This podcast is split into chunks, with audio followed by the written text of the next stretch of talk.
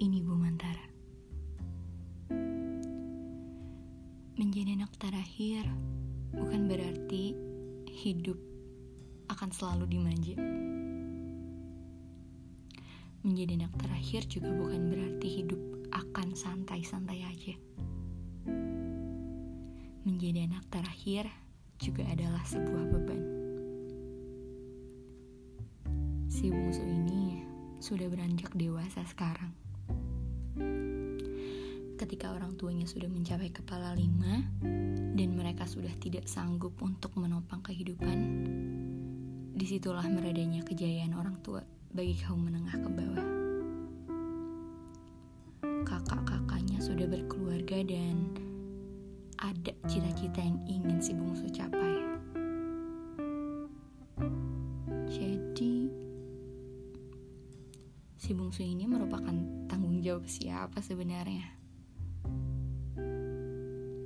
Pernah suatu hari, ia meminta sesuatu kepada kakaknya dan kakaknya hanya menjawab, Emang lo tanggungan gue? Sontak si bungsu menangis.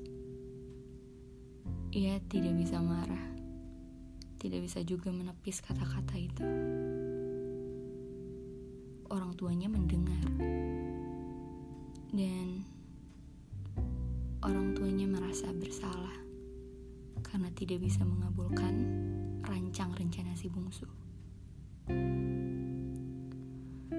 Si bungsu pun merasa bersalah karena tidak bisa menjadi seperti orang-orang sebayanya.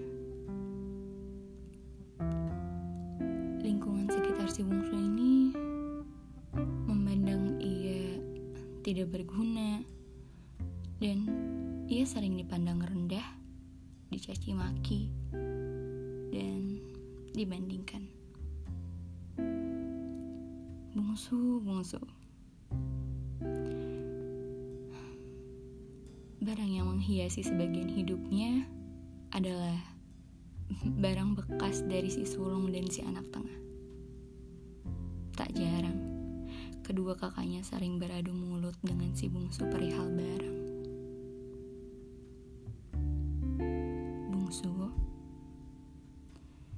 Suatu hari nanti kamu akan bisa memberi barang-barang baru itu. Suatu hari nanti kamu bisa memiliki kebahagiaan dirimu sendiri. Suatu hari nanti kamu akan bangga pada diri sendiri bahwa kamu sudah sejauh ini karena perjuanganmu. Berterima kasihlah bungsu kepada dirimu sendiri.